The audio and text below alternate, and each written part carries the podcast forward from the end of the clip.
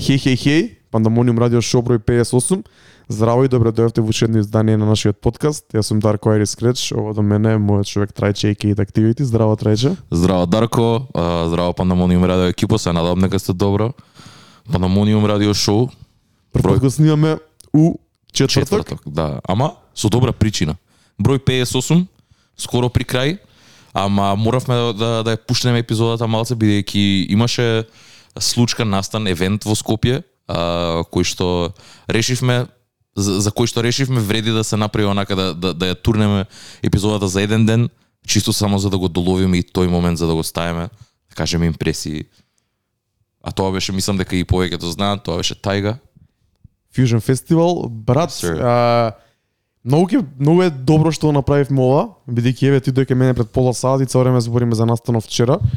Да го оставивме за следната недела више првите импресии ќе беа легнати, Да. ќе зборевме малце со поинаква од, од поинаква перспектива, можеби ќе се деса некои други работи.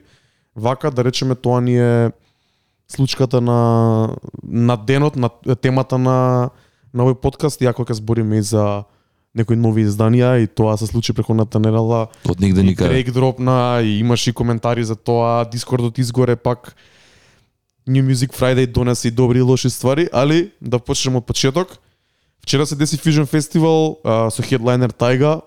Мислам дека се надам дека повеќето од вас и беа на самиот настан, се надам дека се поминавте добро.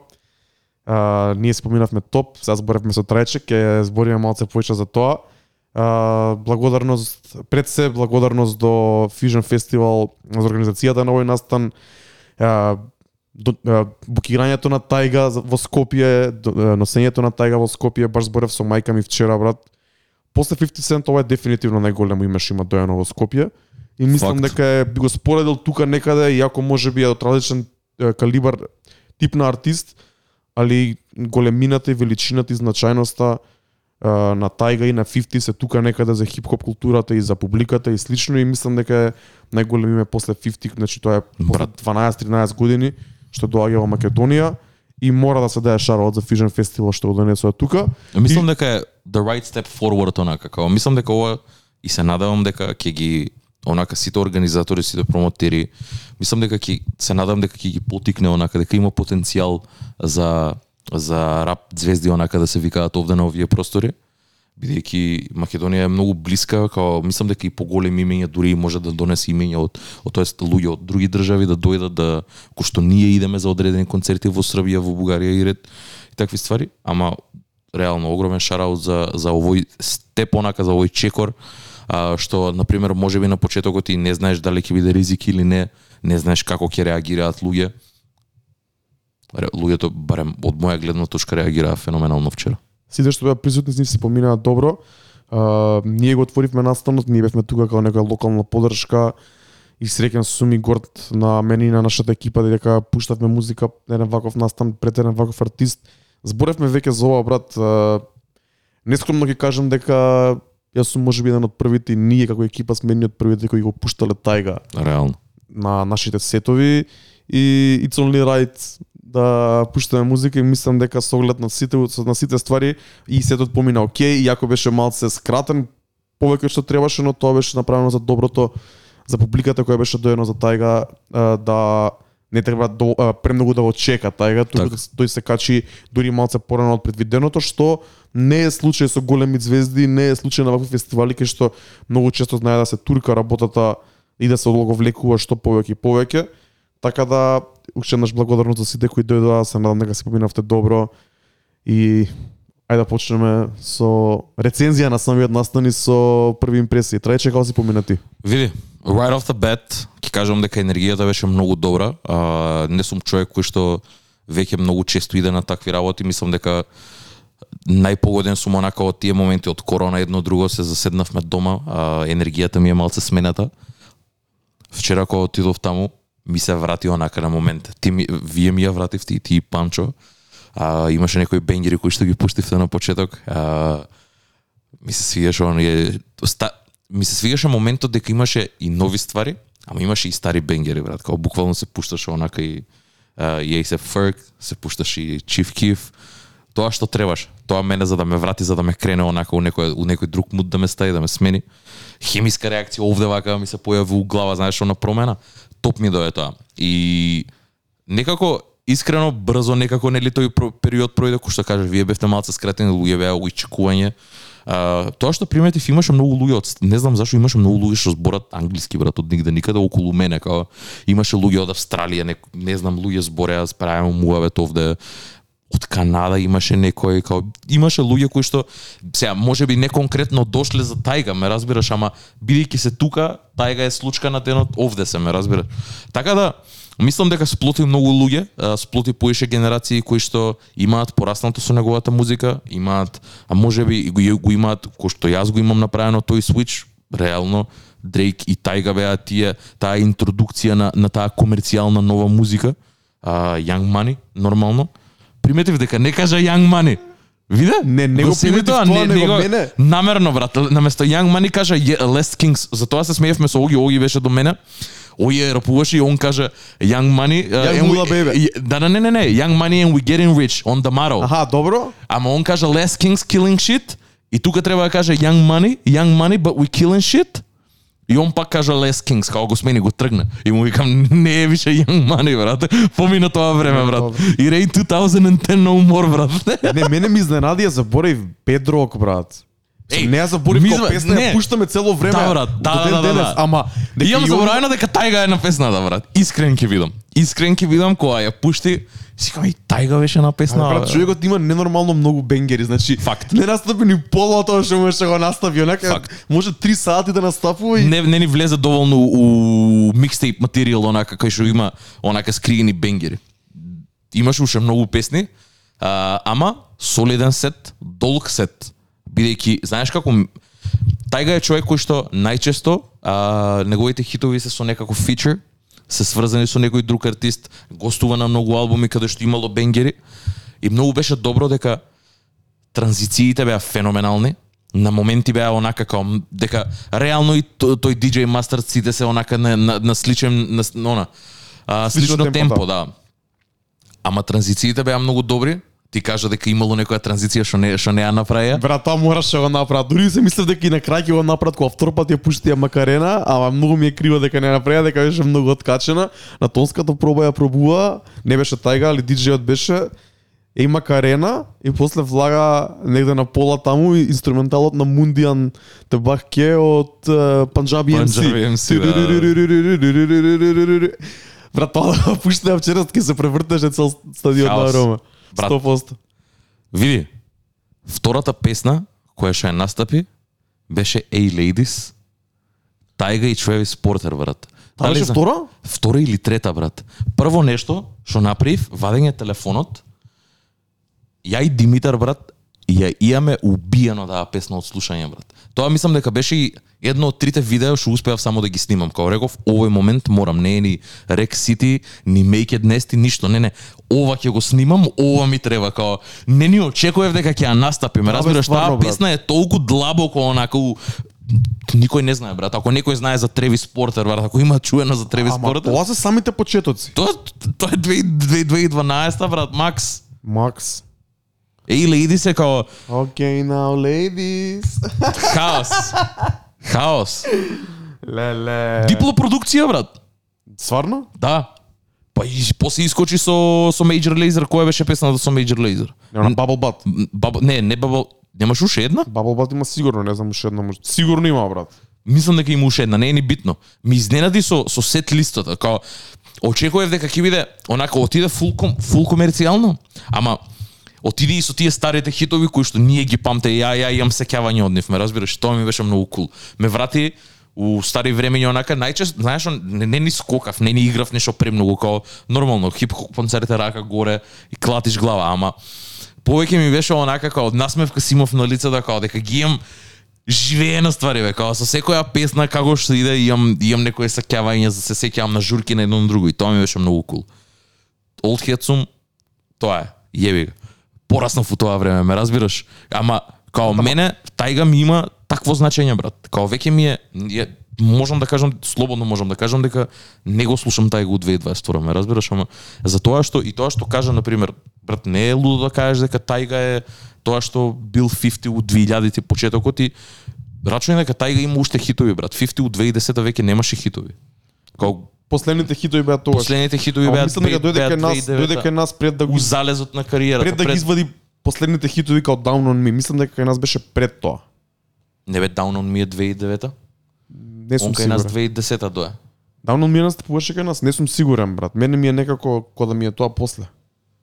Можно е, може би да грешам. Како и да е. Муабетот ми е дека можеш да повлечеш паралела помеѓу 50 и тајга за тоа што значат у времето кога искочиле. И Ме кога разбираш? дошле кај нас. И кога дошле кај нас, да. Пошто буквално има многу време од од е, она, од почетоците на 50 дури да има доено кај нас и почетоците на тајга дури да имат буквално се се работи за 10-12 години период. Да. Така да Затоа велам дека е step forward, се надевам стварно, се дешава и Smoke Purp сега, се надевам стварно дека луѓе поише ќе го видат потенцијалот во, во рап артисти, во публиката која што може да ја донесат. Од друга страна, ќе се вратам на Тајга, мене ме изненади многу со неговиот сценски настап, брат. Ја искрено а, имам секад идам со доза на онака знаеш она uncertainty, несигурност да чисто пошто ги си, си има се дешава кај што ги мрзи и не настапуваат кој што треба, плейбеци у не се ни замараат. Посебно овие артисти што се под микрофони. наводници многу комерцијални, што имаат Да. многу такви бенгери, као на пример French Montana на Exit, као на пример Migos на Exit. Ете. Така. Овде не беше тоа, брат. Ја овде не чув нити у еден плейбек. Може би само на Мамасите или некоја песна, или на пример на Loyal, каде што мислам дека може би ги немаат стемовите за да може да направат уа мартерица за средат за, за настап. Како и да е. Голем дел од песните беа онака апла, она on тајга, Рапувани, од збор рапувани до збор, збор збор без никаква грешка брат. Многу ми изненади, voice control феноменална. А, сите песни што ги настапуваше звучеа максимално колку што може еден артист да извади од себе, да звучат толку блиску до студиска верзија, што е нереално дури за мене. Посебно неочекувано од артистко тајга. Не го сметав за таков брат. Ми изненади со сценски настап, ми изненади со crowd control, со иако не беше нешто ултра спектакуларно, ме разбираш, ама пак ја движеше цело време, ја држеше а, публиката на нози. Тоа многу ми се свиеше. Ми се свиеше тој дел, ми се свиеше енергијата што ја донесе. А, И ми се свиеше како течеше целиот настап. Ја тоа ќе кажам дека имаше имаше добар почеток, ама никад не ја спушти онака само на момент два намерно имаше еден као брейкдаунс во во, во самата сет листа. Тоа е колку и нормално да дае дифи на луѓето кои што кои што го гледаат, пошто немаше песна која што не беше рапувана збор до збор. Имаше многу луѓе што го- што ги знаат песните онака word for word и мило ми е дека е тоа така. Го примети тоа брат и мислам дека и Апсолутно. самата и самата сетлиста е направена така да не те држи да влезе на да влезе многу јако и да не те држи да да земеш здив 10 15 20 минути. Да, И тука беше пукање. И тоа што го кажа ти, песните му се слични, слично темпо, повеќето од нив и беа направени како медли, две-три песни споени, па тек после има пауза. Значи тоа е таа умешност да извадиш максимум од својата музика, бидејќи како што кажа ти, има многу фичерс, има многу ремикси. И, има ствари што можеби ако ги настапува песна по песна класично, цело време ќе биде Да. ај се еден ќе рапува еден верс, па ај се застани па следната песна. да, да. Вака има споено на делче 4 5 6 минути трае. 2 3 4 песни споени. А уствари прошле пет песни у тие 4 Да, минути. атмосферата цело време е јака бидејќи многу брзо се менја, тоа исто како во DJ се да ги менјаш песните само на рефрен или на прв на прв врс многу Да. брзо. Енергијата држи. После тоа ќе застане, ќе има аплауз, ќе ќе поработи малку со публиката. Put your hands up one time и и тоа е тоа онака и после on to the next one. И тоа беше мој, мојот најдобар најголем впечаток беше устари тој го знаевме, ама кога настапува многу појако. Колку бенгер има и колку онака луѓето ги знаат песните, брат. Да, да. Дури да не слушаш хип-хоп, мислам дека имаше многу луѓе кои не слушаат хип-хоп во, во публика или можеби не им е тоа примерно, да. Ги знаеа песните, можеби не сите, ама ги знаеа. Брат. Мене хайлайти ми беа постарите песни, како на пример, е, Признај си. брат Хука ја настапи. Да. Хука не му е ни толку преголем хит. Да, своевремено беше дека е прв може би и прва колаборација, може би и единствена искрено, не, да, не знам да, дали има да, друга со Young да. Tag. Ама Имам ставено на микстейп, брат, мислам дека он се нюши тројката или така нешто, брат. тоа е 2014 брат, така, Така нешто. нешто, така Тоа нешто, се летото, почетоците на Young Так брат. Така да има многу легендарни моменти низ неговата кариера, тоа го зборевме дека у поглед на тоа што има направено на неговиот каталог, мислам дека се уште е underrated. Знам дека има премногу хитови кои што може да го кажат спротивното да го аргументираат, но ако ако се задлабочиш у неговата у неговата дискографија, мислам дека тој има еден онака unparalleled uh, mixtape run, искрено, као еден од подобрите. И влези и таму, брат, као буквално онака доја вика чега да ве тестирам. Како, буквално ја стави публиката на еден момент на тест. Као, иако тие беа хитови, он он е крив дека се тие хитови, брат. Инаку се микс, микстейп хитови, брат. Као Make It Nasty ден денес ја нема на, на Spotify, брат. Не можеш да ја најдеш. Да, не знам, не мислам дека има сега, ама Не бе ја бара вчера, ја нема, не можам да ја најдам. Make It Nasty да, е микстейп хит. Ама исто така ремиксот на на Мото е исто така микстейп кат и имаше уште неколку други кои или може би биле на микстейп па после се ставиле Да. на Ама и на албум. Тоа сакам да ти кажам дека као тајга таму вире е најдобро брат и мислам дека тоа време нас то, тоа не фати тој момент каде што стварно е ро као буквално зимаше битови, рапуваше врзнив и ги вадеше само на микстейп, само за да биде тука, брат. И мислам дека тоа нај највише не каптивираше у тоа време и затоа мислам дека и такви мемории имаме. За исто и мене хайлайф ми беа сите стари песни, брат. Па дури и Бедрок. Faded, брат. Бедрок ми извади од памет, брат. Буквално онака не може исто, исто имена. Не, си викам, то чекај бе брат, као стварно сериозно човеков беше на песна бе брат. И после почне он да рапува и го знам делов неговиот него. неговиот верс меѓу последните. Меѓу меѓу на крајата, да. Ама ама почнам да се присетувам у истиот тој момент и као ми текнуваат на заврш, на завршните зборови од, од, од речениците, ме разбираш? Као Не знам, тоа е. И, за, и тоа е добро, брат, као Trip Down Memory Lane, пошто ние ги имаме минато низ тоа време кај што ко, дента кој искочила песната сме ја знаеле, сме ја чуле, сме ја пуштиле. И сега, например, да, да имаш шанса да го чуеш уживо, е многу добро. Така да, Брат, да го видиш на 2 метри пред тебе. Ја го видов и малце поблиску, ама као тука ти беше, ако си бил во прва, втор ред, кај Флексни се сликаше со него. Флексни. Селфито. Добро, Легендарно. брат, ке, ке збореме за тоа, чекај да го завршиме. Брат, го чекавме многу време да се сликаме и еден два направив некоја слика како која сме као двајцата као марсовци, брат. И јас сум која да се направил некој моли, брат, оне, Да, да, да. он исто. е. Он е малце на туси, брат, ја на моли faded скроз. Скрос, скрос. Ама, пак ќе кажам, многу ми е мило дека се деси ова. Мило ми е дека искочи така професионално, искочи и он со енергија, дури и мислам дека и изненаден беше од реакцијата на публиката, пошто не знам ако си американец и си мултимилионер и познат хип-хоп артист, онака светски познат и ти викаат а, настап у Македонија концерт, не знам што си мислиш, брат. Ништо не си мислил. Не знам што си мислиш, не знам као дали имаш осет дека си дека си на пример слушан таму и доаѓаш у uncharted territory и ти се деша ова каде што X илјада луѓе ти ги знаат песните word for word брат. И и те, и, те, и тебе те вадат од од од нозете креваат брат. Види, мислам дека Тајга брат, тој го зборевме вчера како заврши настапот таму кај нас у бекстејдж. Тајга брат с- после второто враќање него, после тој мал а, пад во кариерата, кога се врати сега по втор пат со Така. Taste и со сите други ствари, мислам дека отиде намерно и во тие Switch се не настапи. како бе мислам дека ја настапи. Не бе. Не ја настапи. Е па знаеш колку бенгери усари не настапи и од тие малце Switch Lanes не ја настапи. Сега ми текна тоа се седи брат. Switch не ја настапи. брат Switch не настапи, Do My Dance, Моли.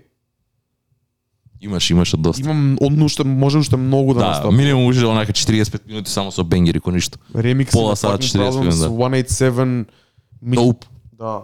Да. Продолжи, извинете, прекинав.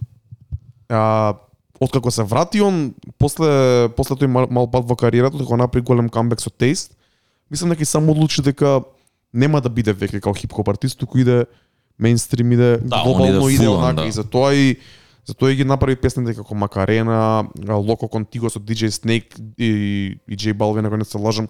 Огромен бенгер, мене тоа ми беше еден од најаките моменти вчера.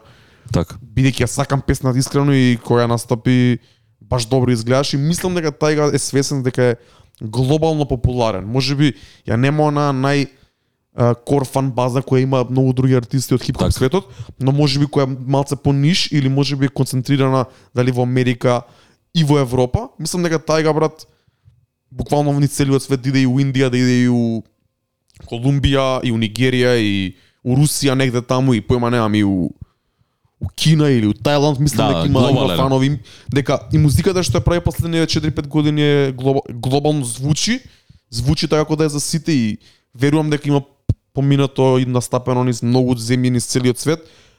А Македонија на крајот на денот е у Европа не е ни нешто многу аут, знаеш, да, не сме не сме далек, не не сме е толку е далеко колку што некоја мислиме. Земја брат таму. Да, е, и у средината на Блискиот исток или некаде во Африка или некаде во Јужна Јужна Америка или појма немам каде брат. Така, да, да, те разбирам што сакаш да Пак кажеш. и Европа јако се мала земја, ако може би со непознато име за него и онака, може би пак in the middle of nowhere, али мислам дека човекот е свесен за својата глобална популарност и ова само се му се потврди уште еднаш Така. и супер е што е така брат на крајот на денот. Апсолутно. Огромен шараут за него брат дека од Лас Вегас стави некои слики во LA, најверојатно снимале спот со YG, го најави новиот сингл, нешто Ја YG. збореа и кај нас на Дискорд искача, мислам дека трака со со YG и со искрено не знам уште кој, ама знам дека искача Дали нешто беше ново. Бија или некој женски артист? Чекај. Па Бија 21? Тоа е? Е, па тоа мислам дека е со еден цр... кремасто црвен кавер. Па мислам дека е тоа. Е, па тајга стаи YG Бија uh, 21 Тайга. Тайга, да. да. Мега. Имаше стајно слики со YG, најверојатно снимање на спот или нешто така на црвена кола, баш во со таа со, со таа естетика беше. Значи он настав во Лас Вегас, снимање спот е, со YG, лет до Париз, Јап. Fashion Week Париз, ставаше вчера сториња дека е таму, Живан Ши нешто, модна ревија или појма немам што. Private jet до Скопје, од Комбе, Брат, не ни излезе, не излезе, не излезе од комбето, брат. Седеше во комбе, микрофонот го донесува во комбе. Хаос. Од комбето излезе, последи 2-3 минути, не беа ни 2-3 минути, брат, една минута надвор, пред комбето, во бекстејдж, длабоко во бекстејдж, подари Така. шаторите. Диџејот ја пушти првата песна и одма излета на стејдж и тоа беше тоа. Значи, шараут за професионалноста и ефортот што го дае брат, да го направи ора, дое тука и да настапи, настапи како што треба, значи Не, не, пропер настап беше искрено апсолутно. онака настапот беше Да, да, да. дури мислам дека подобар од очекуваното и за, и за нас двајца, така? Па, ја, мене ме ги надмина очекувањата, у смисла на колку професионално беше, колку беше со енергија, колку не беше само доен за да пројде. Тоа сакам да кажам. разбираш, као И тоа мислам дека и знаеш како тоа се дешава секад кога ќе затоа ти велам, мислам дека и него го изненади енергијата Добро, од публиката. окей, може би, и да. тоа знаеш директен фидбек е брат, тебе те тера уште толку поише да даеш. Ама со оглед на тоа и со танчерки и све дое и цел ентураж имаше околу него, мислам дека спремен е спремен е за тоа. Спре, спремен беше за тоа за да настапи да даде се од себе. И мислам дека кога имаше многу солиден настап, брат. Многу солиден, ти велам, од страна на професионалност на тоа како звучеше, како тој се понашаше на сцена, топ 10 out of 10, брат. Не можев да да побарам поише од тоа. Се слагам, брат. Се слагам. Јас сум многу задоволен. Очекуваме фидбек да ни пишете у коментар на YouTube или Ја очекував на- некој да викне полиција на на крај само, ама не се деси тоа. Само е тоа може би беше единствено, морам да го спомнам. Не бе спомни го брат слободно, Тоа- тоа да тоа- коментираме настапот на тајга. Тоа не знам што беше брат, не можам да сватам, не знам тоа дали е некој гимик што го прави цело време на настапи, али имаше премногу малолетнички на сцена на еден момент на самиот крај. Брат, немаш да барат И- лични карти на дојчињата кога ги снимаат од публика, брат. Фер.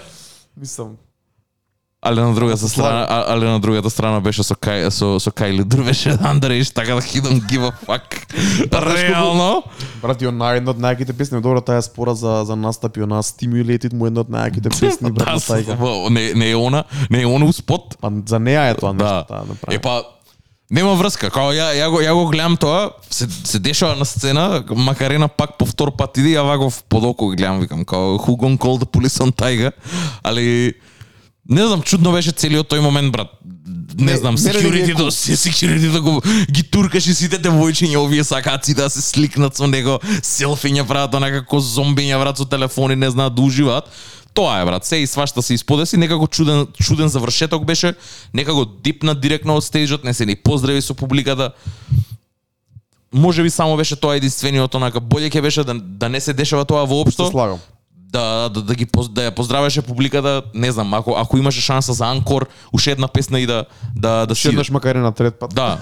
Не, било што, ме разбираш, било што. И мислам дека тоа беше единствениот мис, тоа беше единственото нешто што не ми се свиѓаше. Од поглед на друго со све, целиот настап буквално од, од самиот момент на искачање на сцена и како настапи и како почна, топ. Слагам брат, се слагам. Јас сум многу задоволен. Со вижуал, со све. Апсолутно. Брат, со вижуалс, со пиротехника, со танчерки, уиграно Јеп. со диџеј, тај го настап, а, настапува, рапува, не се заебава. Се што треба, брат. Да, да, да. Многу професионално и мене тоа ми се свиеше. Затоа Затоа ги менува песните, енергијата беше цело време на високо ниво.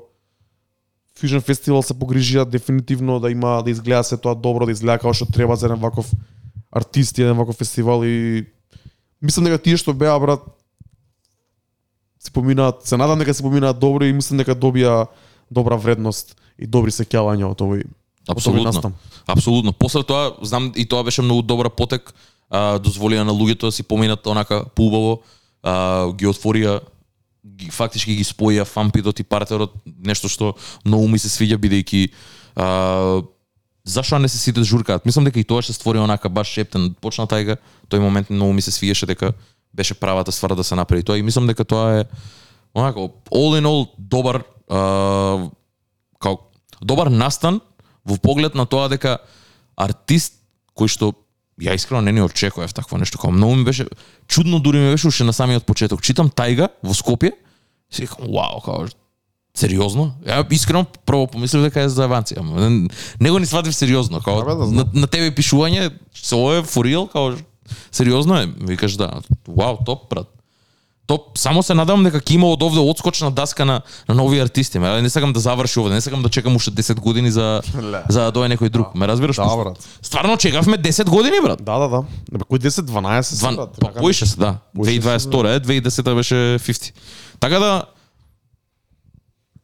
се надавам дека ќе ќе дае поише онака инсентив на луѓе да да да да организираат вакви настани со поголеми артисти. Мислам дека има потенцијал и мислам дека ќе им даде онака кураж на на општо на промотери на на фестивали други или на на индепендент други кои што не зависи од не немаат онака бренд фестивал туку едноставно не знам најавува а, Дрейк светска турнеја Скопје добива датум, ме разбираш? Немаме арена, брат, кајде од кај. Се надевам на нешто такво, брат. Брат, уф, тоа стадион ќе треба. Мада не знам. Ме разбираш? I'm, I'm putting it out there, дека нема мислам дека го има потенцијалот, ме разбираш, ништо не ги кошта луѓе од Белград да дојдат до до до ја имам премногу луѓе упознавано на таксират кои што не се од Македонија. Бугари, а, Да, бе, Срби брат, на да. Ману Чао брат Заглавив, а, ракија имам пиење дуњевача брат пред Метрополис арена со Срби брат, што ги упознав симнувајќи се од автобус на транспортен брат. Ние сега само што стигнавме со, со возот од Ниш, ме разбираш, и као цело друштво, 30 луѓе. Така да мислам дека баш онака и Скопје е у правата положба дека е пре, многу е блиску со Србија, многу е бли... 3 по сати вожење, 4 по сати вожење ти од било каде, бра, не разбираш, као од, од Солуна го тргнеш, стигаш. Мислам дека може, доколку има момент за да се направи тоа и ако се маркетира добро, мислам дека има потенцијал да, да се деси, да може да дојде а, некоја она светска позната звезда од, од рап сцената нормално и да да да биде успешно онака со со со со бројки добри на на на појавено, со убава продажба на карти, со убава организација со све. Мислам дека е возможно тоа, само треба поише да се работи и мислам дека ова, затоа реков уште на самиот почеток, е прав чекор онака step forward за све тоа што се надевам дека ќе следува. Така да затоа велам, shout out to Fusion Festival за зашто направија таков чекор. Не знам у у, у нивното онака у нивното планирање унапред дали тоа било ризик, пресметан, не пресметан, искрено и као мене нема да мене ко фан на хип-хоп нема да ми дое тајга да го викнам у, у Скопје, ме разбираш, као и функционира. Да бе, да, брат. Ја преубаво си продав, ја имам само позитивни ствари да кажам за тоа, брат. Исто ја, уште еднаш шараот за Fusion Festival. Uh, чест ние што бевме дел од ова и со настап и со помош околу промоција и, и организација. Така да се надеваме дека се поминавте добро, сакаме да ни пишете како сте се поминали на YouTube и на Discord и до следниот фестивал, брат, до следниот настан, следно тоа го најави Следната мега, ме, мега звезда. Мега звезда, ама чекај, прво лето да ги стераме нашите тековни настани. Апсолутно. Не е мега звезда, али сосема солидна звезда за македонски стандард, Smoke Purp на The Fest. Јап. 3 јули, тоа е брат следниот викенд, значи за една недела више треба да се пакуваме за некој дојран, што е многу јако, Тоа дека искрено искрено ќе видам брат, наискрено оваа недела ми почна летото, брат, буквално и не само што почна и календарски летото, Така. ама и стварно ми почна летото, бев во Охрид брат, се бањав прв пат во Охридско езеро, се Ајде. сунчав прв пат, значи купив крема за сунчање, се сунчав. Одседив This the season, ајде. Одседив два дена у Љубаниште, малку одморив. Почна летото, седев на плажа, се вратив тука, почна фестивалска сезона следниот ден. Снимаме ова, више е топло, пуштивме прв пат клима да лади тука. Почнува летото, следната недела е The Fest. Јап. Значи онака, више може би малце нагло, али Да, да, да. Влагаме, летото е тука, следи одлично лето со настапи, шек турнеја, stay tuned, се гледаме прво на Дојран, во Дојран на The Fest, 3 јули сме ние, го објавија лајнапот брат по денови, значи сите, сите денови има нешто интересно да се гледа, многу ми е криво дека нема да го видам таму. Ја имам купено карти за сите три дена, имам купено смешта и све организирано, така да се надам дека ќе ќе биде ќе биде топ. Мислам дека као а, најголеми очекувања имам за недела, од самиот факт дека вие вие ќе сте таму, ќе ќе има дружба едно друго цел ден, риба у фуктак, све тоа ме разбираш, ама и петок и сабота не се уопште за подценување, мислам дека за сите луѓе, тоа го зборевме претходниот пат, за сите луѓе, за сите за било каков фан, било каква музика, за само ако си слушател на музика има нешто. Брат, на крајот денот е добар провоз, значи Дојран е, Да. убаво е, си земеш аутан, си, си се прскаш со аутан дека комарци касаат многу. Факт. колку пари да имаш, може да си приуштиш пакет дојран, се надам дека пилоци, пилоците, пијачките нема бидат скапи, кампот е тука за тие што немаат пари за смештај, Јеп. пом, и што се поавантуристи, помлади, постари, сите се тука, другите локали имаат забави, има тука се дешаваат низ градот и во околината многу ствари, така да, Да. еден викенд да се смени за дојран е топ. Три дена. Програмата е топ. Поише стејџови, сега година нешто ново има, некој нов стејдж, некоја нова дешавка. Таму сме, таму ќе бидеме. Дојдете на The Fest. Feel the Shake, 3 јули, Lake Awake стејџот. Stay tuned. Имаме следната недела уште една емисија, ќе збориме може и поише за ова. Апсолутно. Да се пребациме на нови изданија, брат. Мислам дека е време да збориме за Дрейк. Honestly, така never доаѓа. од нигде никаде, брат. Чекај, А, малце, мора да почнеме. Ајде. Да, мислам дека треба да почнеме од моментот кога се најави албумот, брат. Више имав испиено 3-4 пијачки у мака. Мислам дека ти ме тагна на Дискорд. Да, Прво се мислеви дали да отворам, брат. Викам, ај сега Дискорд не ми се отвора сега. вредеш. брат. Не, Значи го знаеш како? Као ја, го отварам и тука, брат, знаеш кога си баш на таа на таа доза на алкохол, да, те пука онака нај Како да кажам, брат, значи таман си потфатен, ме пукна на многу не е ни убаво. еуфорија, ама убаво чувство е, да. Да. У, ба не, баш еуфорија така некако како уште кога си само само на убавото од од пиењето, кога само убавите ефекти ги имаш и као леле, брат, го гледам каверот, си викам ова ќе биде нешто дип, го гледам, го најава седми албум, викам ова ќе биде албумот уствари што требаше да биде CLB.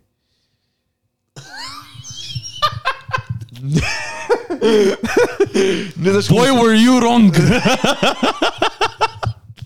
не знаеш колку се хајпнав. Мислам дека Мислам дека сите го имавме тоа очекување, мислам дека као заради тоа и би имаше таква реакција. А, Дрейк од нигде не дека не дека ова прв пат што го прави ваков да као да има ваков ролаут ако може да се нарече тоа само со еден обич, обичен Инстаграм пост и со Кога го имаш, и кога со го најава претходно?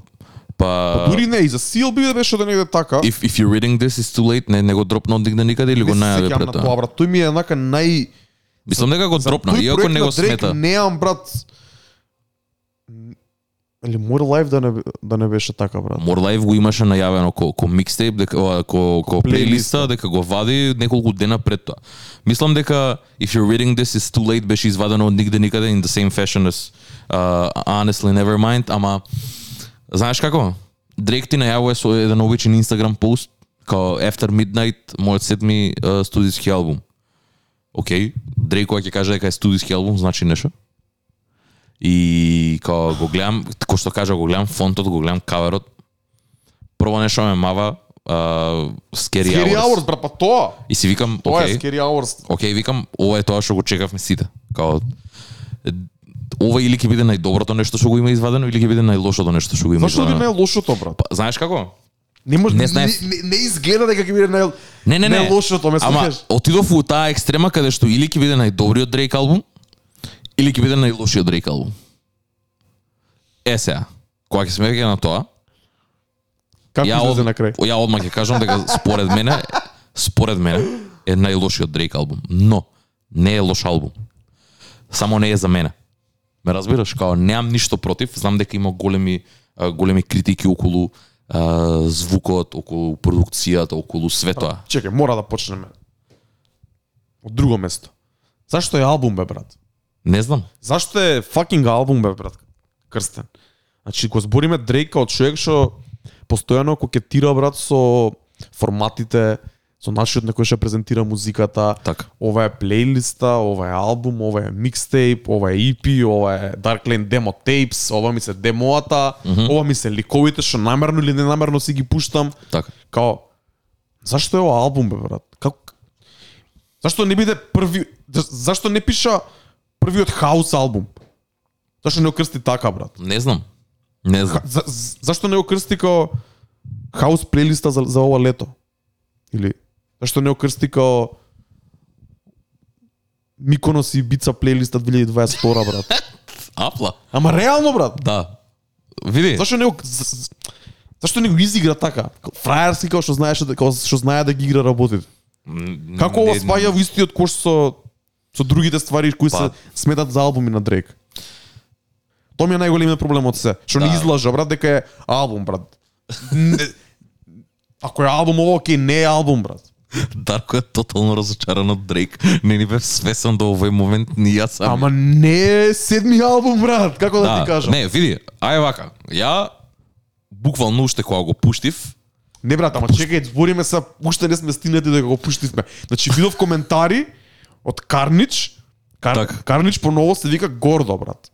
не Значи, знаев. Карнич а, оваа година го закопа Карнич, заврши таа кариера. Така. EDM, трап, нели познате хардстайл правеше, има соработки со Influential легендарен свое време, но кога се Да, појави. многу хейтан и многу почитуван во исто време, бидејќи е таков каков што е.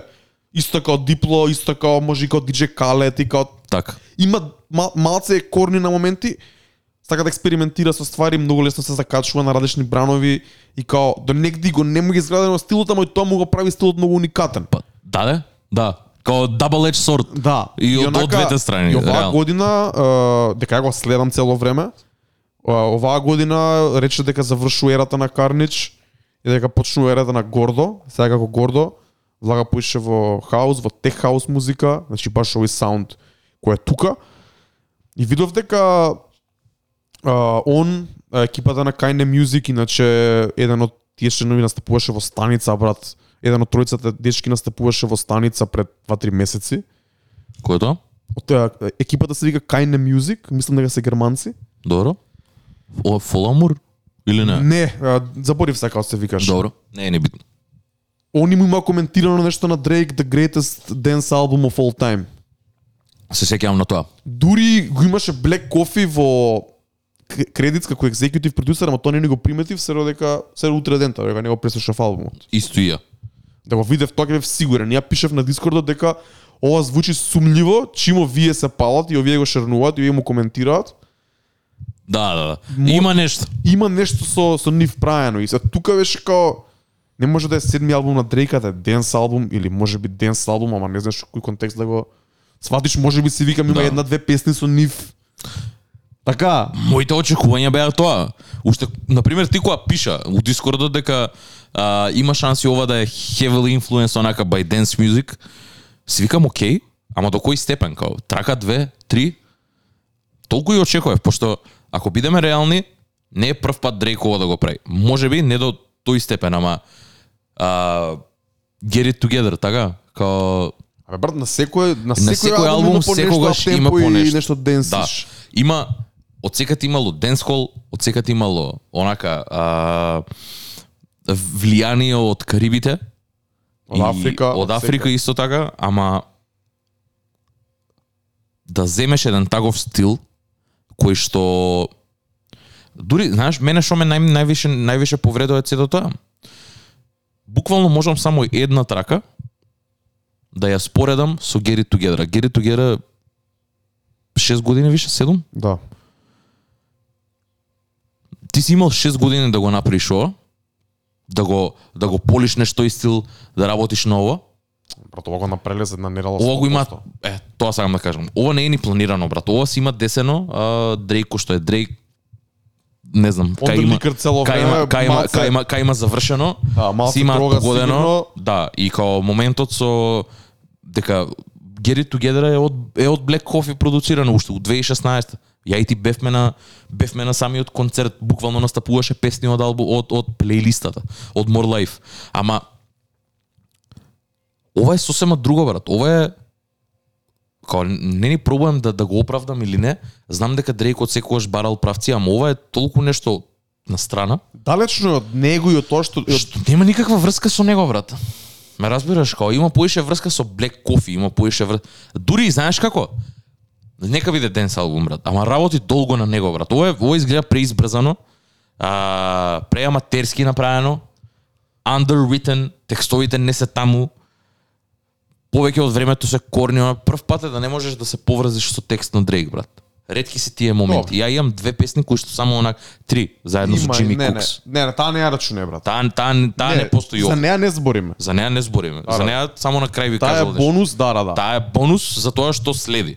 Пошто со самото вадење на албумов, кажа дека следи Scary Hours 2, што три. требаше ова да биде, Scary Hours 3, извини, што ова требаше да биде.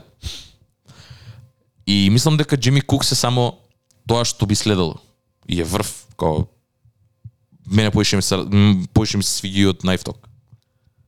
Многу ми е многу ми е боле. Ама Назад кон Единств- Tech ед- House. е- еди- единственото нешто, ја не сум ни фан на денс музика, брат, не сум ни фан на хаус музика. Ретки се моментите кога нешто такво ми прија, кога ми се свиѓа. Хаус и рап музика постојат многу одамна као ко, ко жанра онака каде што има артисти кои што ги ги прават И, ствари. и паралелно се појавуваат во истото време од Детройт, нормално. да, може би не уште од 70-ти, али во текот на 80-тите, 90-тите паралелно функционираат Нью Йорк, Апсолутно. Да, Чикаго, Чикаго е хаус, Детройт е техно, сите тие градови се близко Да. и се функционира некако измеѓу.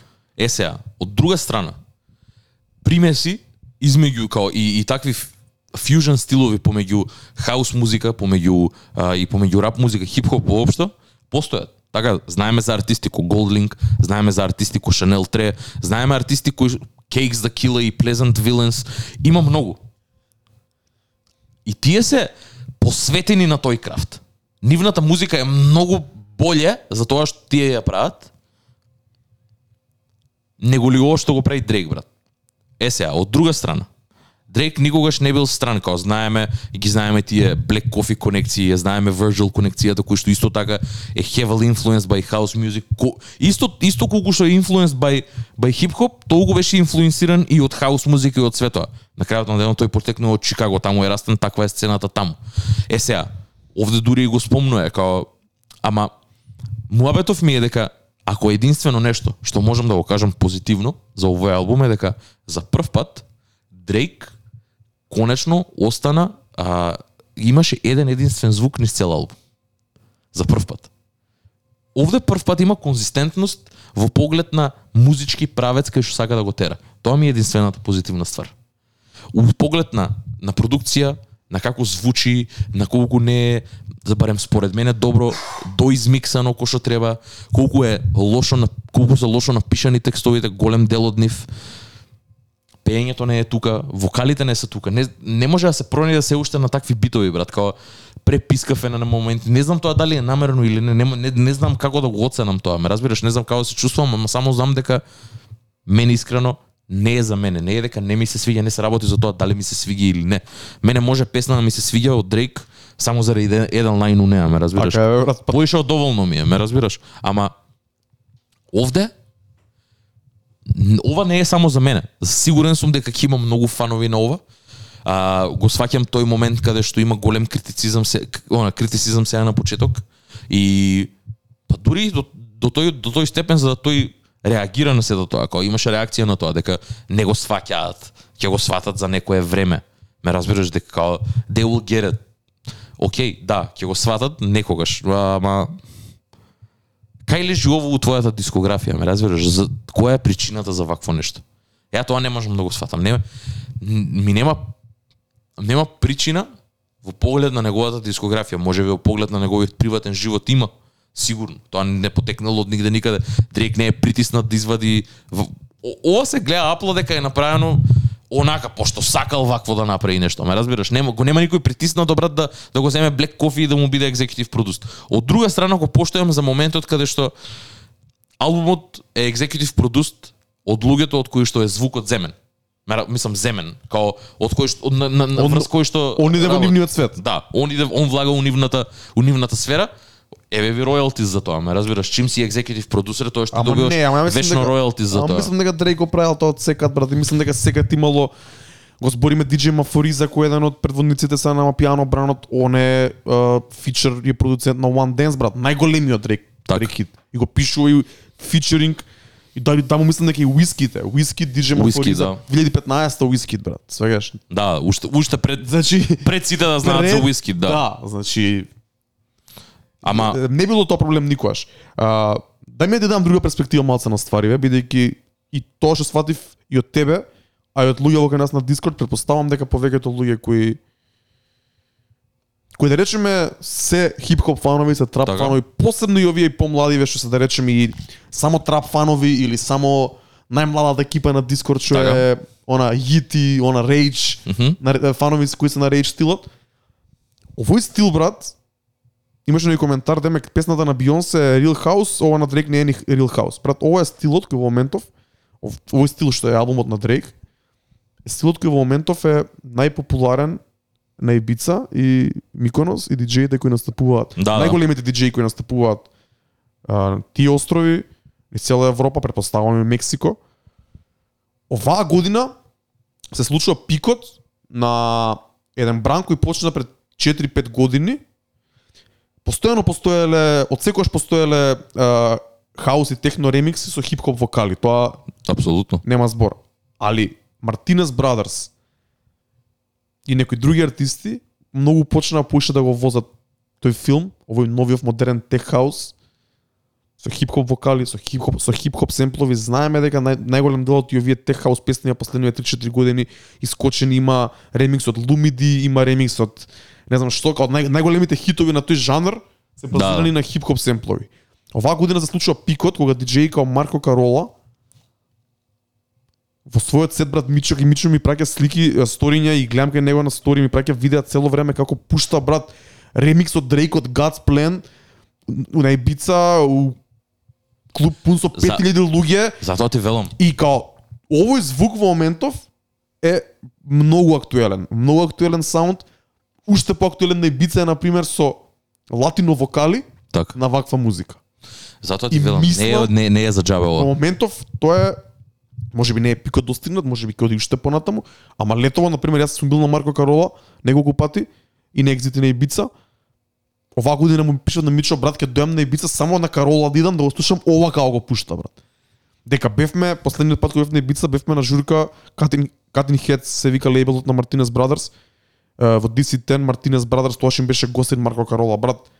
Таа година излезе оној ремикс не знам ти не знам дали ти го имам тебе пратено. А, имаат Мартинес Брадерс ремикс на Lil Baby, Lil Yachty песна, YSL се вика. И на тој сет не знаеш какви какви ремикси, какви не само ремикси, оригинални траки кои се во тој стил а, как, каква музика пушта и колку беше атмосферата. Тоа беше пред две, а, 2019, за 2022 беше брат.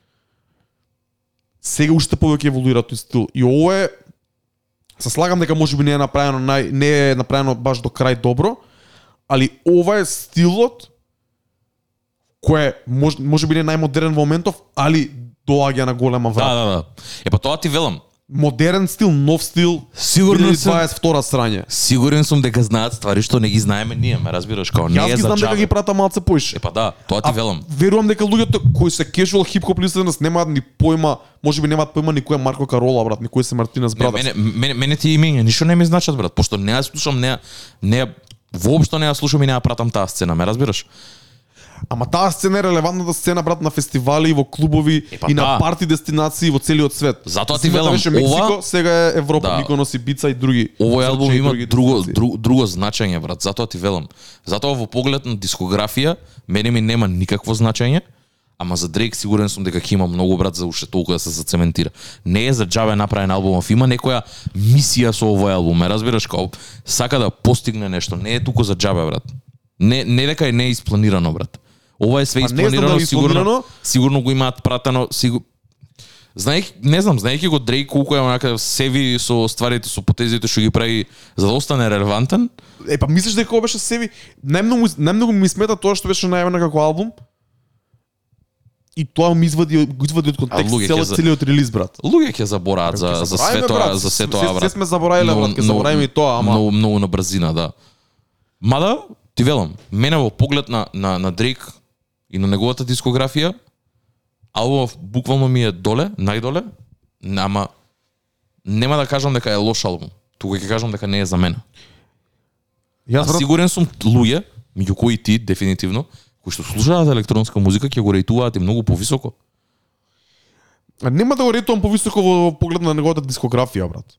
Да не беше албум, немаше да имам никаков проблем да беше summer плейлист, ќе го ембреснев и ќе се рече еј ова е топ, знам што прави, дека еј вака знам што прави, само не ми се свија што се што е на ваков начин извадено искрено брат. Многу ќе беше боле да беше EP или да беше соработка EP со Drake и Black Coffee, презенцију нешто Да. поема немам. Мене ми се свиѓа брат, ми се свиѓа, имам неколку песни кои од првите од првите слушања ми онака ми влегоа во пред се стики. Стики не е ни толку Стики стики не е тој не е ни толку стил. брат. Да. И мене ми е омилено од цел албум. Тоа Без Джимми Кукс. Club или како и да се викаше Да. стил кој пред кој се појави паралелно со трапот таму од 2012-13. Uh, дали беше Calling My Name? Да, Calling My Name интересна, малце кринџи, ама тоа е тоа е Drake брат. Text Go Green. Дали беше уште една имам само не знам ми е добра. Massive добро. А, Currents не ми се свиѓа тоа. Малце долго трае брат за ваква музика. Не знам некако Massive? Не, не, не, целиот албум го А, гледам. целиот албум, да, да, да. Е, па, например, рачуње дека Massive е, например, права, еве, барем, според моето лаичко познавање на хаус музика и електронска музика воопшто, е, например, ја има таа права хаус структура, каде што има многу малце вокали и повеќето е оставено инструментал. Као, например, тоа е права каде што на други места као буквално пак си има таа структура со со рефрен, со два врса и све тоа бридж, брейкдаун нормално у електронска музика дека тоа е ептен поише и истакнато неголи у хип-хоп. Ама кој што велиш као албумов трае 52 минути, а 14 песни. А, не знам. Л, брат, луѓе збеснуваат за најпрости работи, брат. Као транзицијата помеѓу интрото и falling back, брат. Као ништо, само продолжува битот, брат. Као ништо не се дешава, ме разбираш. Има некои моменти кои што многу се оверхајпнати, има моменти кои што, на пример, а, не знам, а, сигурен сум дека имам слушаното боле хаус на моменти од ово. Затоа Сигурно. затоа стики ми затоа стики ми е најболе, пошто и не ме потсеќа толку на хаус. Да, не, не е воопшто. Месив во поглед на хаус и на тоа што можам да слушам од хаус ми е онако омилено од тој правец. Uh, Currents, кој што кажав, не ми се свиѓа, Text Go Green, окей ми е. Uh, Currents беше она со, со, со креветот кај што крца, така? Па не знам брат, сега Мислам више ги мислам дека дека е таа. се звучи многу слично, знаеш, не уште не ги разликувам песните која која е брат. Не можеш да ги разликуваш, брат. Пошто? Е пак ќе си со текот на времето, тие што ги Ја, ја, ја, ќе не си ми ги разликуваш. Па да, ја не мислам дека ја не мислам дека ќе може да да ми мислам дека знаеш како? Пушти ми било која песна од Дрейк, ќе ти ја кажам првите 3 секунди. Овде ќе го имам тој проблем. Е, Да, не знам ја, ја не, можеби нема да ја знам по име точно која, ама ќе ти ја израпувам пола брат, ама нема можеби да знам како се викаш. Ја така се чувствам дека ова ќе биде првиот албум каде што нема да знам песна у првите 3 секунди од Дрейк. Што и не сум толку љут на тоа, ти велам као у поглед на у поглед на на, на дали ми се свиѓа или не, не е за мене само тоа ќе Ја кажам. мислам дека ќе го слушам, мислам дека го имам во ротација, можеби не постојано. Нема да кажам дека ми се свига кој знае што. Шаро до мојот човек Fake Casual од Србија, со него зборевме, за него беше албумов малце, му вика малце из, из, излитено е више демек не е а, не е тоа. Тоа ја му кажав истиот муабет што го кажа што го кажав и за сите вас Така. за новиот стил кој се појавува на Ибица, ама на пример со него зборевме Ако више идеме денс, зашто нема нешто ама пијано, брат? Тоа е најсвежиот звук што може да го има у моментов. Али на пример тоа не се пушта на Ибица и на и на Миконос, брат. Ова се пушта. Така. Таргетот е друг. И тоа ми изненадува со што малце валја не у тој муд, брат. Имаше една песна со Темс на за на Fountains. CLB, Fountains, да. Али кога бега од тој стил што ствари свеше се уште брат. Има и денс, има и таму аптемпо работи, може да да звучи интересно. Сакам да кажам дека не е дека звучи најсвежо, не е дека звучи најдобро, мислам дека ќе го имам во ротација, мислам дека ќе го има на плейлисти, мислам дека ќе има доста ремикси кои ќе се пуштаат на на сетови во Е, на тоа ме интересира. Ремикс играта на, на, на албумот, брат. Тоа има голем потенцијал, брат. Хаус Во- светот? Да, да, да, во хаус светот, брат. Пошто хаус музика реално а, многу зависи од ремикси, од верзии, онака, од рандом, од други диџеи, од други лейбл, куки и све тоа, као ремикс геймот ќе биде интересен. Ама не зборам за bedroom house продусер, брат. Као зборам за некои Не, не, не, големи, големи, имења, големи. своји едити, свој све на фестивали, на све тоа. М- Мислам дека таму ќе вирее поише албумот него ли онака first week album sales или нешто такво, мера. Кој што кажа, не е таков албум кој што седиш и дома го слушаш, го слушаш у одреден сетинг, го слушаш на плажа. Ама не, слушаш. ама тоа не значи дека нема да има Spotify plays, дека ќе го слушаш дека секако. возиш кола, брат. Ќе има секако. Лето е, брат. Ќе има Слушаш дека секако. седиш на плажа, ама пак од Spotify ќе го слушаш, така. Апсолутно. Така да не е, мислам дека Spotify пак пак ќе си работи. И мислам дека само таргетот е многу друг.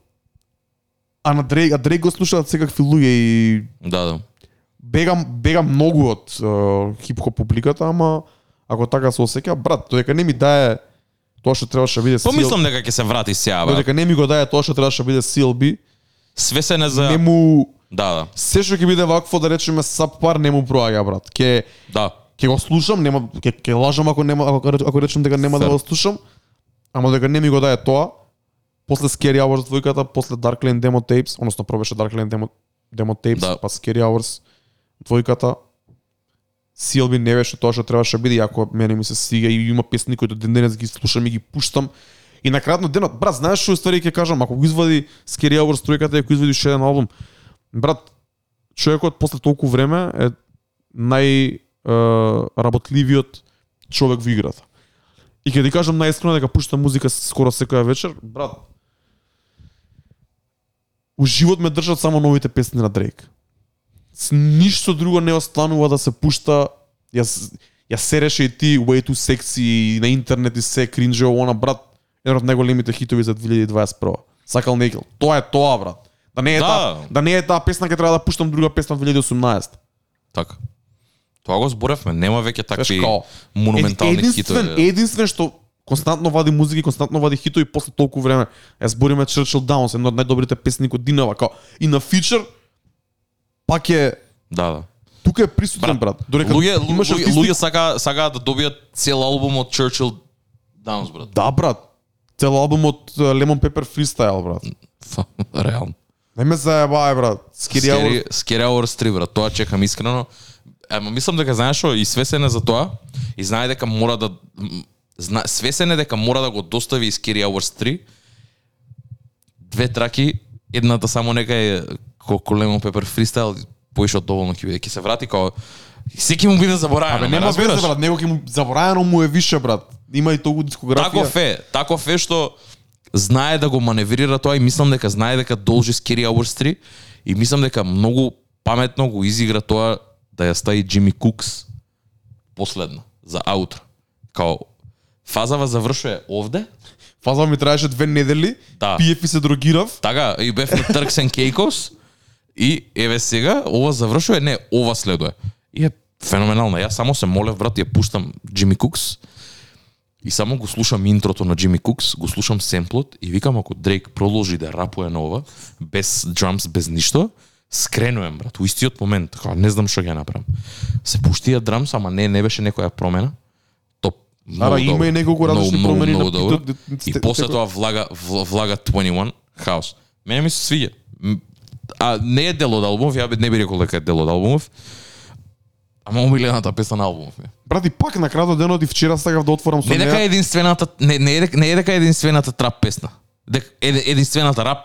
е многу квалитетен, боле ми е од Talk, брат. А знаеме Talk како функционира и на и на журки Е, па и, да, ети, најфток ја заборив. Со, Да, ама- што ги зборим. Ама ова ми е боле од Talk. Такво по ми е, по повеќе енергија ми има. Боле ми е. Поише ме поише мене ме, ме, ме ниша онака ме носи, Брате, него ли Talk. Рачуне дека уште само уште првата вечер кога излезе ја пуштив у Струмица, пуштав музика и више имаше некоја реакција тука од најза- најзаграните Дрейк фанови. Тоа е тоа. И ќе влезе во ротација, брат, уште една Дрейк Сега- ротација. Среќа што има нешто ново, иначе Да, да, да. немам ништо што да ставам сет, брат. Што да правам? Замисли, замисли ја пуштиш Currents у, некој кафичи почне кревети да крцаат од нигде никаде. Хаос, брат. Значи ќе ќе запалам шанкот директиво. Нереално, брат. Нереално. Али како и да е, чекаме Scary Hours 3, пак ќе кажам, тоа тоа е за мене финалниот збор каде што овој албум не е за мене, као не не го не го хейтам Дрейк за ова. Има причина зашто го има направено, за поголем рич, за за да се протне низ други ствари да ја фати сезоната кој што треба. Верувам дека е плански. Го поштувам за за тие за, за, за тоа што го има направено дека е executive produce by Black Coffee дека ги има даено оние proper flowers на луѓето кои на кои што треба да се дадат.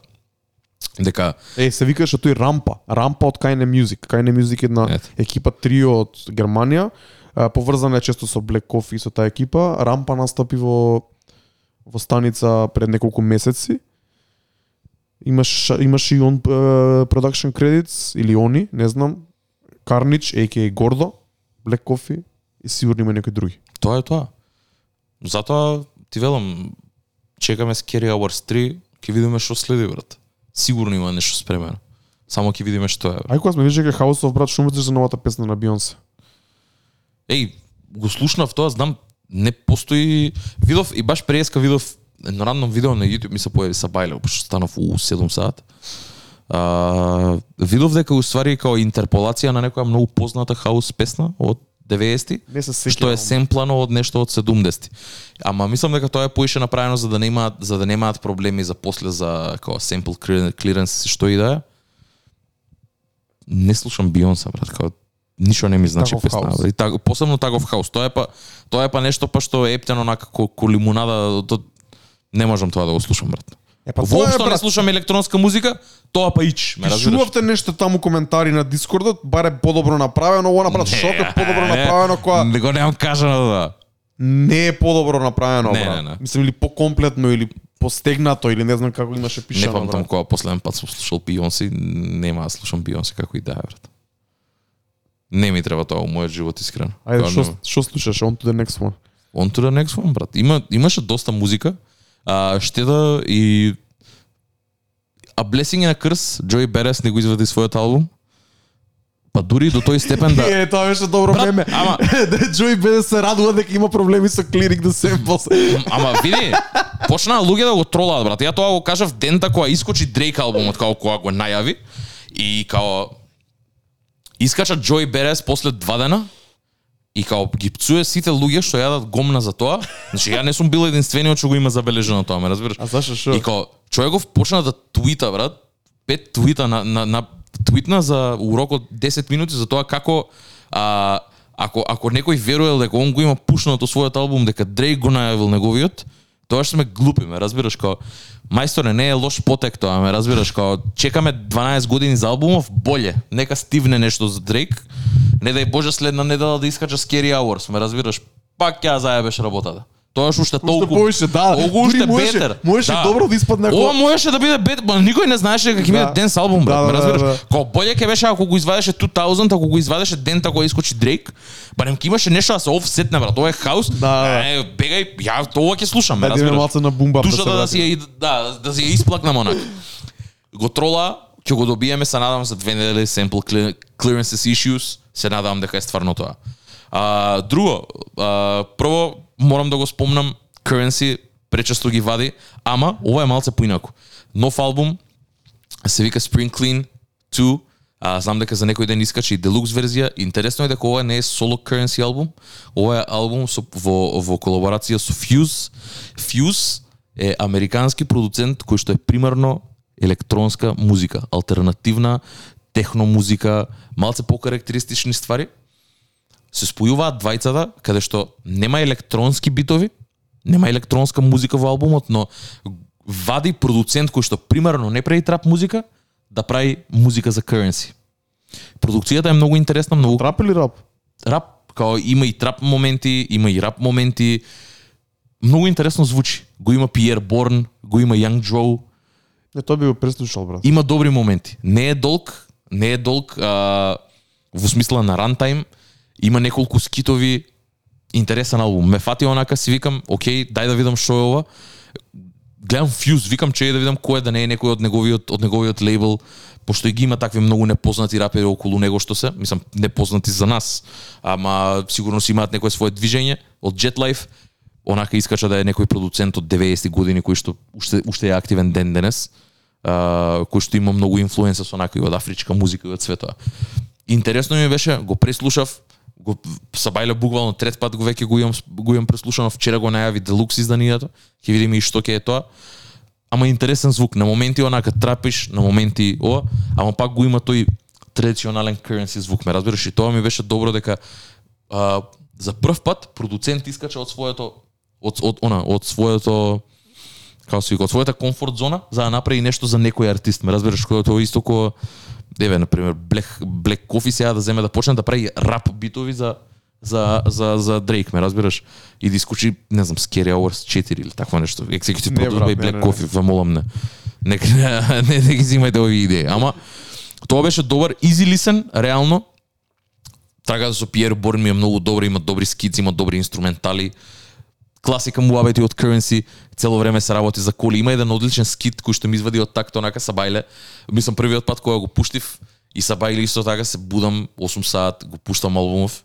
Доаѓа, не знам која е седма, осма трака, доаѓа скитот брат и почнуваат формули од нигде никаде да, да шибаат. Скитот е уствари формули V8 ги знам и по звукот на машините. Памтам онака, убаво се сеќавам V8 умерата, почнуваат овде да брмчат од нигде никаде и пак се надоврзува со таа целата она естетика на на currency со коли, не знаев дека е фан на формула. И ми се спои сето многу добро. Таков позитивен е летене, а, за слушање, за, за кола возење, за на плажа, онака, за да не се замараш воопшто, за таков вајб ми вади. Позитивна енергија, дефинитивно треба да се преслуша. И знам дека често го зборам, currency овде, а, едно од едно од стварта е дека е многу пролифик, дека вади многу често музика, ама од друга страна дека се што ќе извади не е ништо сап пар колку само да го извади брат. Таков е човекот брат. Прави едноставна музика тоа кој што го збориме дека не мора секогаш да е lyrical, miracle, spiritual individual за да биде за да допре до некого, туку е едноставно е си го кажува тоа што е негово, тоа што е тоа што тој го живее и многу добро звучи брат. И секогаш наоѓаат начин да да најдат нешто интересно као од самиот од самиот факт кога го изгуглав кој е Fuse и кога видов дека е уствари продуцент кој што примерно не прави хип-хоп музика и сега дошол да прави хип-хоп музика само за currency.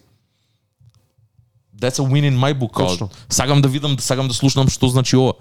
А, од друга страна, имаме малце потрадиционален звук. Logic се врати, го из, го, го, го она искочи од retirement, што и да значи тоа, рапери никад не се повлекуваат, не знам тој каков гимик лоше. А, албумот се вика Vinyl, Vinyl, Vinyl Days.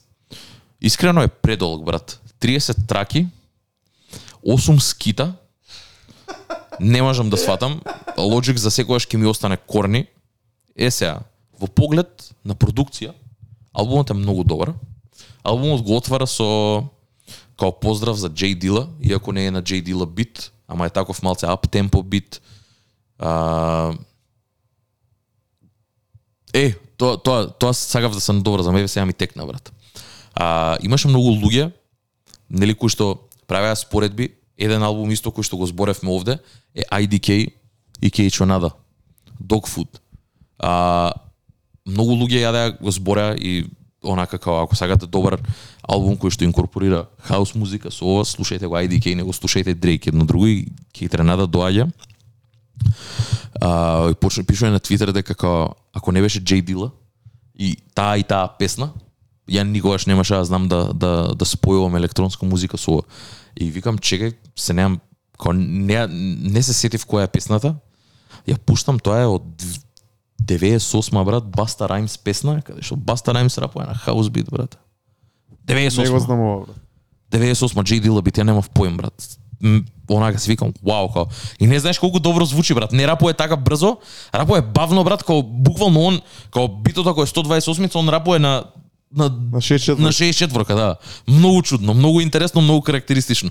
И на еден начин и го одбранува тоа дека не е на пример сега ако Кейт Ранаде е единствениот и кога треба да го гард кипаме онака имаше коментари Дрейк конечно го изгледал она како се вика сетот на на Кейт Ранада со она тука што е Boiler Room сетот што е тој легендарниот Ама нема, брат, тие што прават малата електронска музика Кейт Ренада и продукцијава на Дрейк и продукцијата на Бионсе врска нема. Не, нема, едно со нема, друго со треба. нема. Ренада користи сол, сол семплови, друга, као, брат, прави свет е да, тоа. да.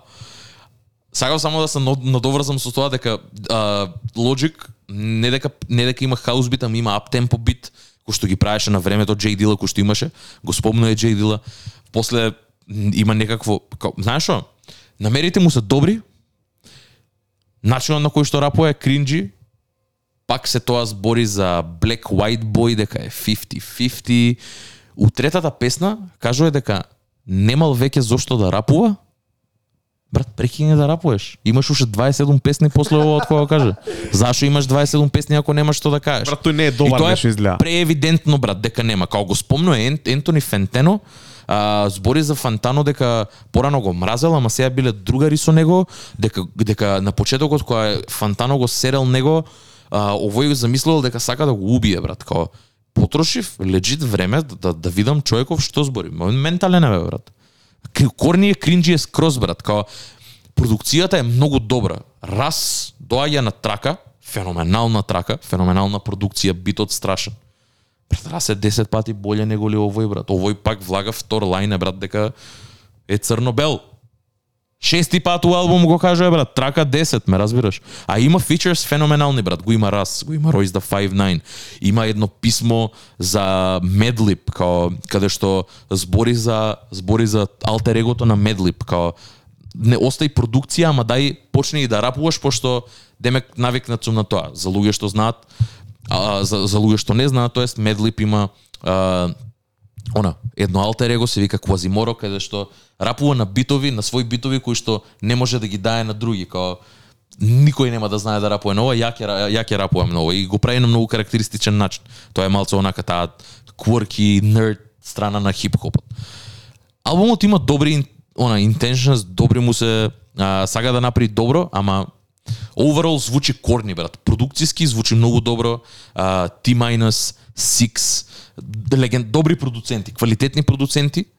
Онака ко не знам, го има Немс, оној Горила Барс, го има Майкл Репапорт, го има на Дж.Ј. Ебрамс, го има на Скитот.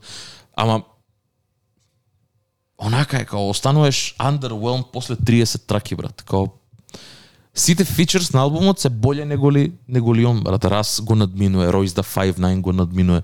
Има такви легендарни ликови кои што се во хип-хопот, кои што се многу добри, многу квалитетни и сите го поминуваат, брат. Као го има DJ Premier. Легендарни ликови има на албумот, ама буквално албумот може да постои без Logic. А е Logic албум. 30 песни. И 30 песни. 30 песни, брат. Ни срам ни пер, да 30 песни ме натера да слушам, брат. Затоа, Језиво. као во поглед на во поглед на продукција, да, топ. Во поглед на на на тоа што сакал да постигне, да, ама целото деливери, цело, целиот концепт, тоа што го збори се гледа човеков дека е пререпетитивен, дека нема веќе што да каже брат. И тоа че ти че им го кажеш сам, као демек се вратив, се вратив од а, се вратил од ретајермент пошто му било досадно. Брат, досадно ти се гледа исто да го збориш у секој текст на, на песна. Него ни хейтам, туку стварно е тоа така, евидентно е као слушаш секоја песна за песни и истото го збори, брат. Истото го збори Зали дека не збори. дека бил ваков, дека бил онаков, дека детството му било вакво, брат. Океј, знаеме, Eminem има албуми направено за тоа, као, ама секад на, наоѓал некаков друг начин, као он само истото го Океј, знаеме дека имаш она technical ability и имаш прејако флоу и многу јако рапуеш. Све тоа океј, брат, ама као внатре контентот што го кажа е содржинава, е као ништо, брат. Ништо епте, не би ветера скрос. И мене тоа многу ме нервира. Многу ме нервира. Као квалитетен е, може да биде многу добар. Има и продуцирано траки на самиот албум, значи некаде песни каде што и он е и продуцент на песните, на на битовите. Джабе брат, не не можам да најдам една позитивна работа кај него брат, као Не можам, освен тоа дека е само добар подкован рапер. Порано многу звучеше посфреш, пофреш, као она Young Sinatra и тие денови 2014-2015 кога правеше и он микстейпови. Многу поише ми се свигаше него ли сега. Сега веќе стварно е онака како да нема зашто да рапува и само цело време едно друго се повторува и тоа станува многу досадно.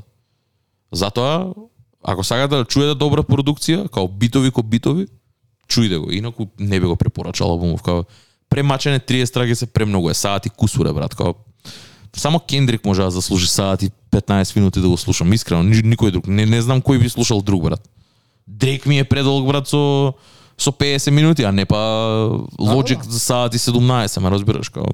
Ми нема н за сето тоа брат. Не можам да сватам а, таков е носталгичен е Vinyl Days, демек се враќа на назад кога бил дете, што правил, како правил, ама целото деливери не е таму, не, едноставно фали, фали тој фокус онака каде кај што кажува ствари, нема валја и нема, не е Затоа велам за за рапер, за да бидеш рапер, не можеш да фейкаш, брат. Мора тоа да дое од кај тебе.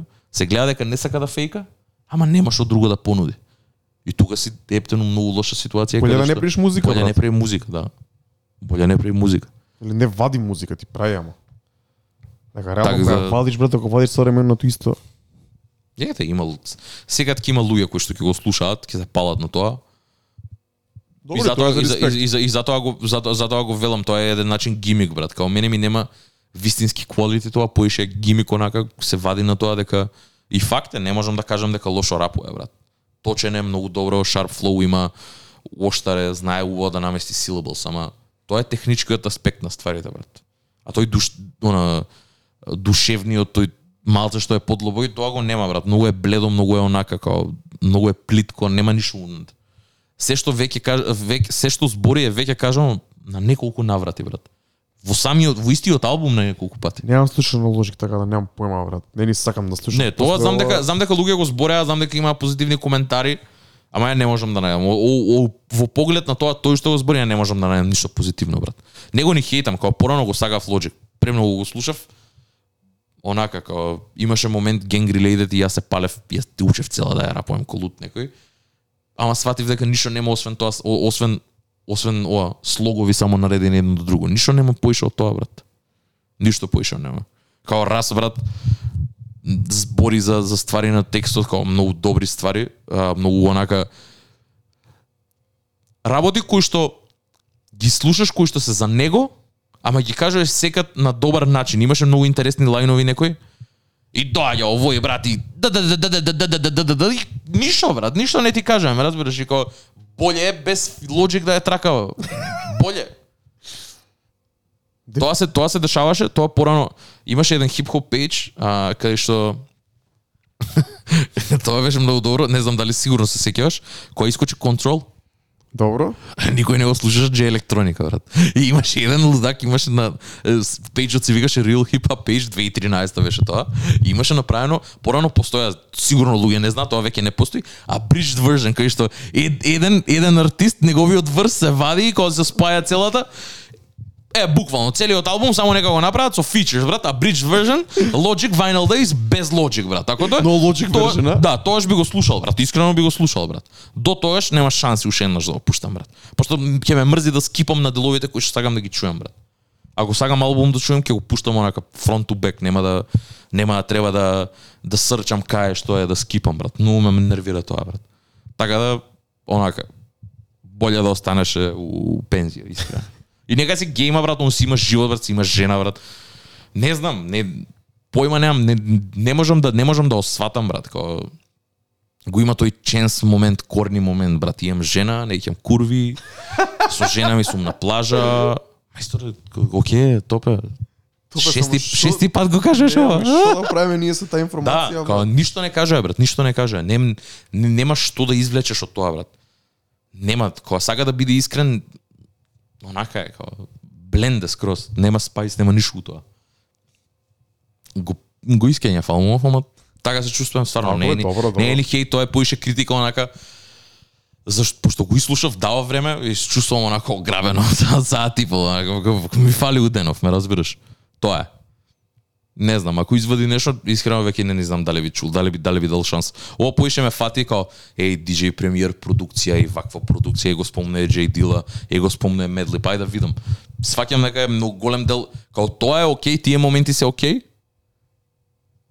ама све друго што е генералното, као тоа е две-три траки, брат. После 8 скита, брат. Кој има кој албум има 8 скита? Не знам, брат. И тоа најчесто знаеш што се voicemails, брат. Не ни можел да ги добие у студио, нема нишо.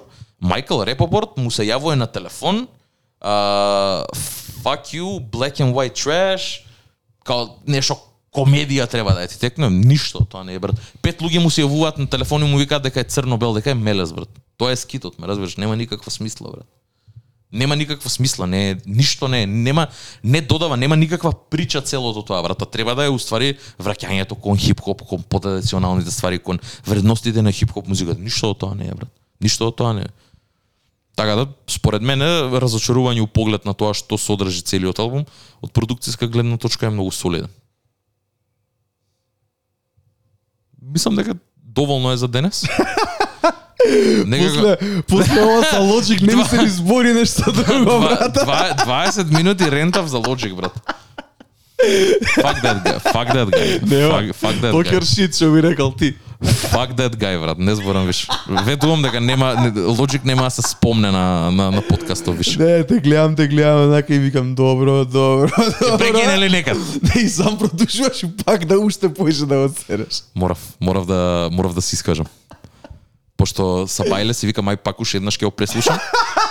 И ми го заебат денот, а имав несоница, инсомнија ме мава не знам, до последниот месец Брат, дена. слуша лоджик уште да каде мало. Така да, истрауматизирано, тоа сигурно ми е било. Си легнав у 5, за да сум заспал у 5, станав у 7 и 10 и лоджик си и пуштив Logic, да. да. Хаос, брат. Добро, имавме солидна емисија со оглед на твоето утро, брат. О, дефинитивно не брат. Ја, I'm rejuvenated, брат. После тоа, после тоа си чув Currency, си чув други ствари, ја чув Jimmy Cooks, брат. Топ ми дојме, раде, ама тоа, брат, ми измори уште од савајле рано. Се ми е јасно. Ама all part of the job, брат. Мора сакам сакам да слушам, не можам да зборам као тоа ќе беше исто сега да зборам за тајга ако не бев таму. Ме разбираш, мораше да го преслушам Да, да, за да да, знам да кажам. Така да Не, тоа јас сум таков човек, не можам да не можам да зборам за работи кои што ги немам слушано, кои што ги немам обработено. И за кои немаш изградено мислење. Апсолутно. Точно, а мислам да. дека поише као ту лисен се поише од доволно за да кажам ова и да стојам црсто на ово што кажав сега. Тоа е тоа. Добри сме така? Мислам дека за денес да, мислам дека и луѓе ќе се изморат слушајќи на ако, Да. ако стигнале до овде воопшто. Во Ако не овој скипнале ако не скипнале за после- Logic. Да, да, да. Еј, тоа е тоа. А, се надеваме дека ќе биде епизодава ASAP на YouTube и на и на Spotify. Фала што не почекавте за еден ден. Мислам дека имавме многу добра емисија. Први импресии од Тайга, импресии за Дрейк, рецензии Мораше за да Logic тоа. рецензии и рецензија за Currency, така да топ емисија, топ содржина. За жал се ближиме кон крајот на оваа сезона, али stay tuned, имаме уште две епизоди интересни, се надеваме дека ќе биде добро. Пишете ни како ви се свигаше епизодата, дојдете на Дискорд и се слушаме пак наредна недела. Поздрав! Чао.